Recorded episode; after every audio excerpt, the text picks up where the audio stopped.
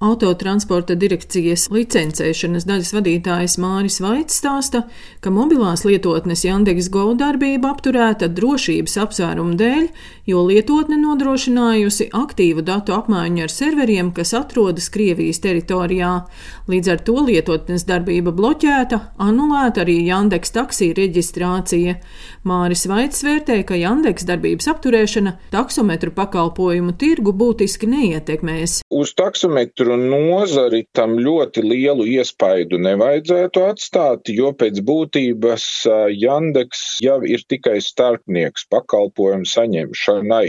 Pašam Jandeksam neviena transporta līdzekļa, kas veic šos taksometru pakalpojumus vai ar vieglu automobīli, nav. Viņš tātad ir tikai starpnieks, kas savieno pasažieru ar taksometru kompāniju. Tās taksometru kompānijas, visas, kas līdz šim ir reģistrētas, var savu darbību turpināt, kā jebkurš taksometrs, uzņemot pasažierus uz ielas, izsaucot pa telefonu vai taksometru piestātnē uz ielas.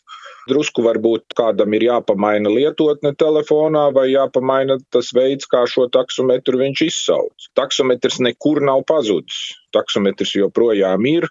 Taksometri ir Latvijas uzņēmumi, kas šos pakalpojumus sniedz. Kopsumā tātad autotransporta direkcijā reģistrē tūkstotim pāri transporta līdzekļi, un vēl tikpat ir Rīgas domē reģistrētie taksometri. Tātad kopsumā mums tur ir kaut kur ap 2000 transporta līdzekļiem, kas šos pārdājumus var veikt, un uz šiem 2000 transporta līdzekļiem kopsumā ir tie 5600 taksometru vadītāji. Rīgā taksometru pakalpojumus ar mobilās lietotnes palīdzību līdz šim nodrošināja divi uzņēmumi - Jandeks un Bolt, kas piedāvā gan taksometra, gan kurjera pakalpojumus. Bolt reģionālais vadītājs Latvijā Raimons Bērziņš stāsta, ka liela daļa taksometru šoferi arī līdz šim strādāja gan Jandeks, gan Bolt platformās. Vadītāji, kas strādāja varbūt Jandeksā, tagad arī sāk reģistrēties pie mums un daudz, daudz vadītāji izmanto jau abas divas platformas vienlaicīgi.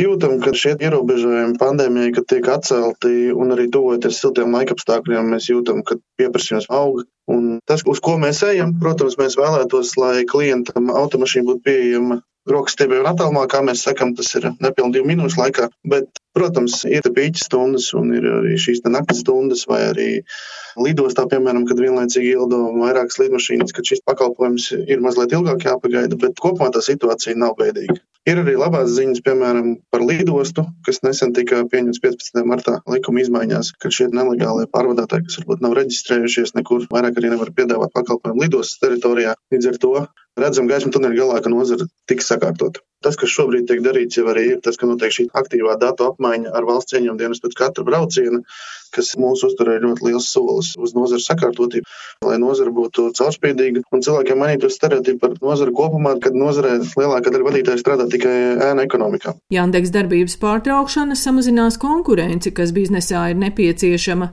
bet Māris Vaits no autotransporta direkcijas pieļauj, ka ar laiku Latvijā varētu sākt darboties vēl kāda mobilā lietotne, piemēram, Eiropā populārais Uber.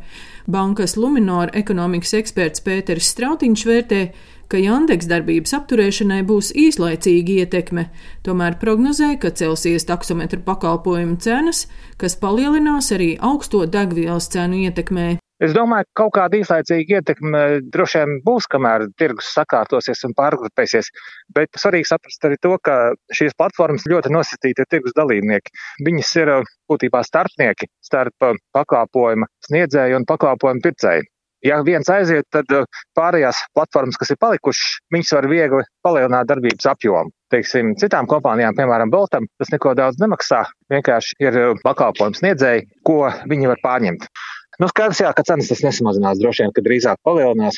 Acīm redzot, bija drošības politikas iemesli, kāpēc tā platforma Latvijā bija jāslēdz, iepriekš jau bija tādas runas, ka tur kaut kāda drošības riska varētu būt saistībā ar datu apmaiņu noplūdi. Bet um, es nesagaidu, ka tāpēc Latvijā dramatiski samazināsies taksometru skaits. Tas bija saistīts gan ar pandēmiju, potēšanās prasībām un arī ar valodas zināšanu prasībām. Šobrīd tirgu šaurā vieta drīzāk ir cilvēki, kuri grib un uh, var strādāt par taksometru šoferiem. Saskaņā ar izmaiņām Ukrainas civiliedzīvotāju atbalsta likumā arī Ukrainas pilsoņi, kam ir uzturēšanās atļauja vai ilgtermiņa vīza ar tiesībām uz nodarbinātību līdz vienam gadam, no 12. mārta var reģistrēties taksometru vadītāju reģistrā, un pirmie divi jau ir reģistrējušies.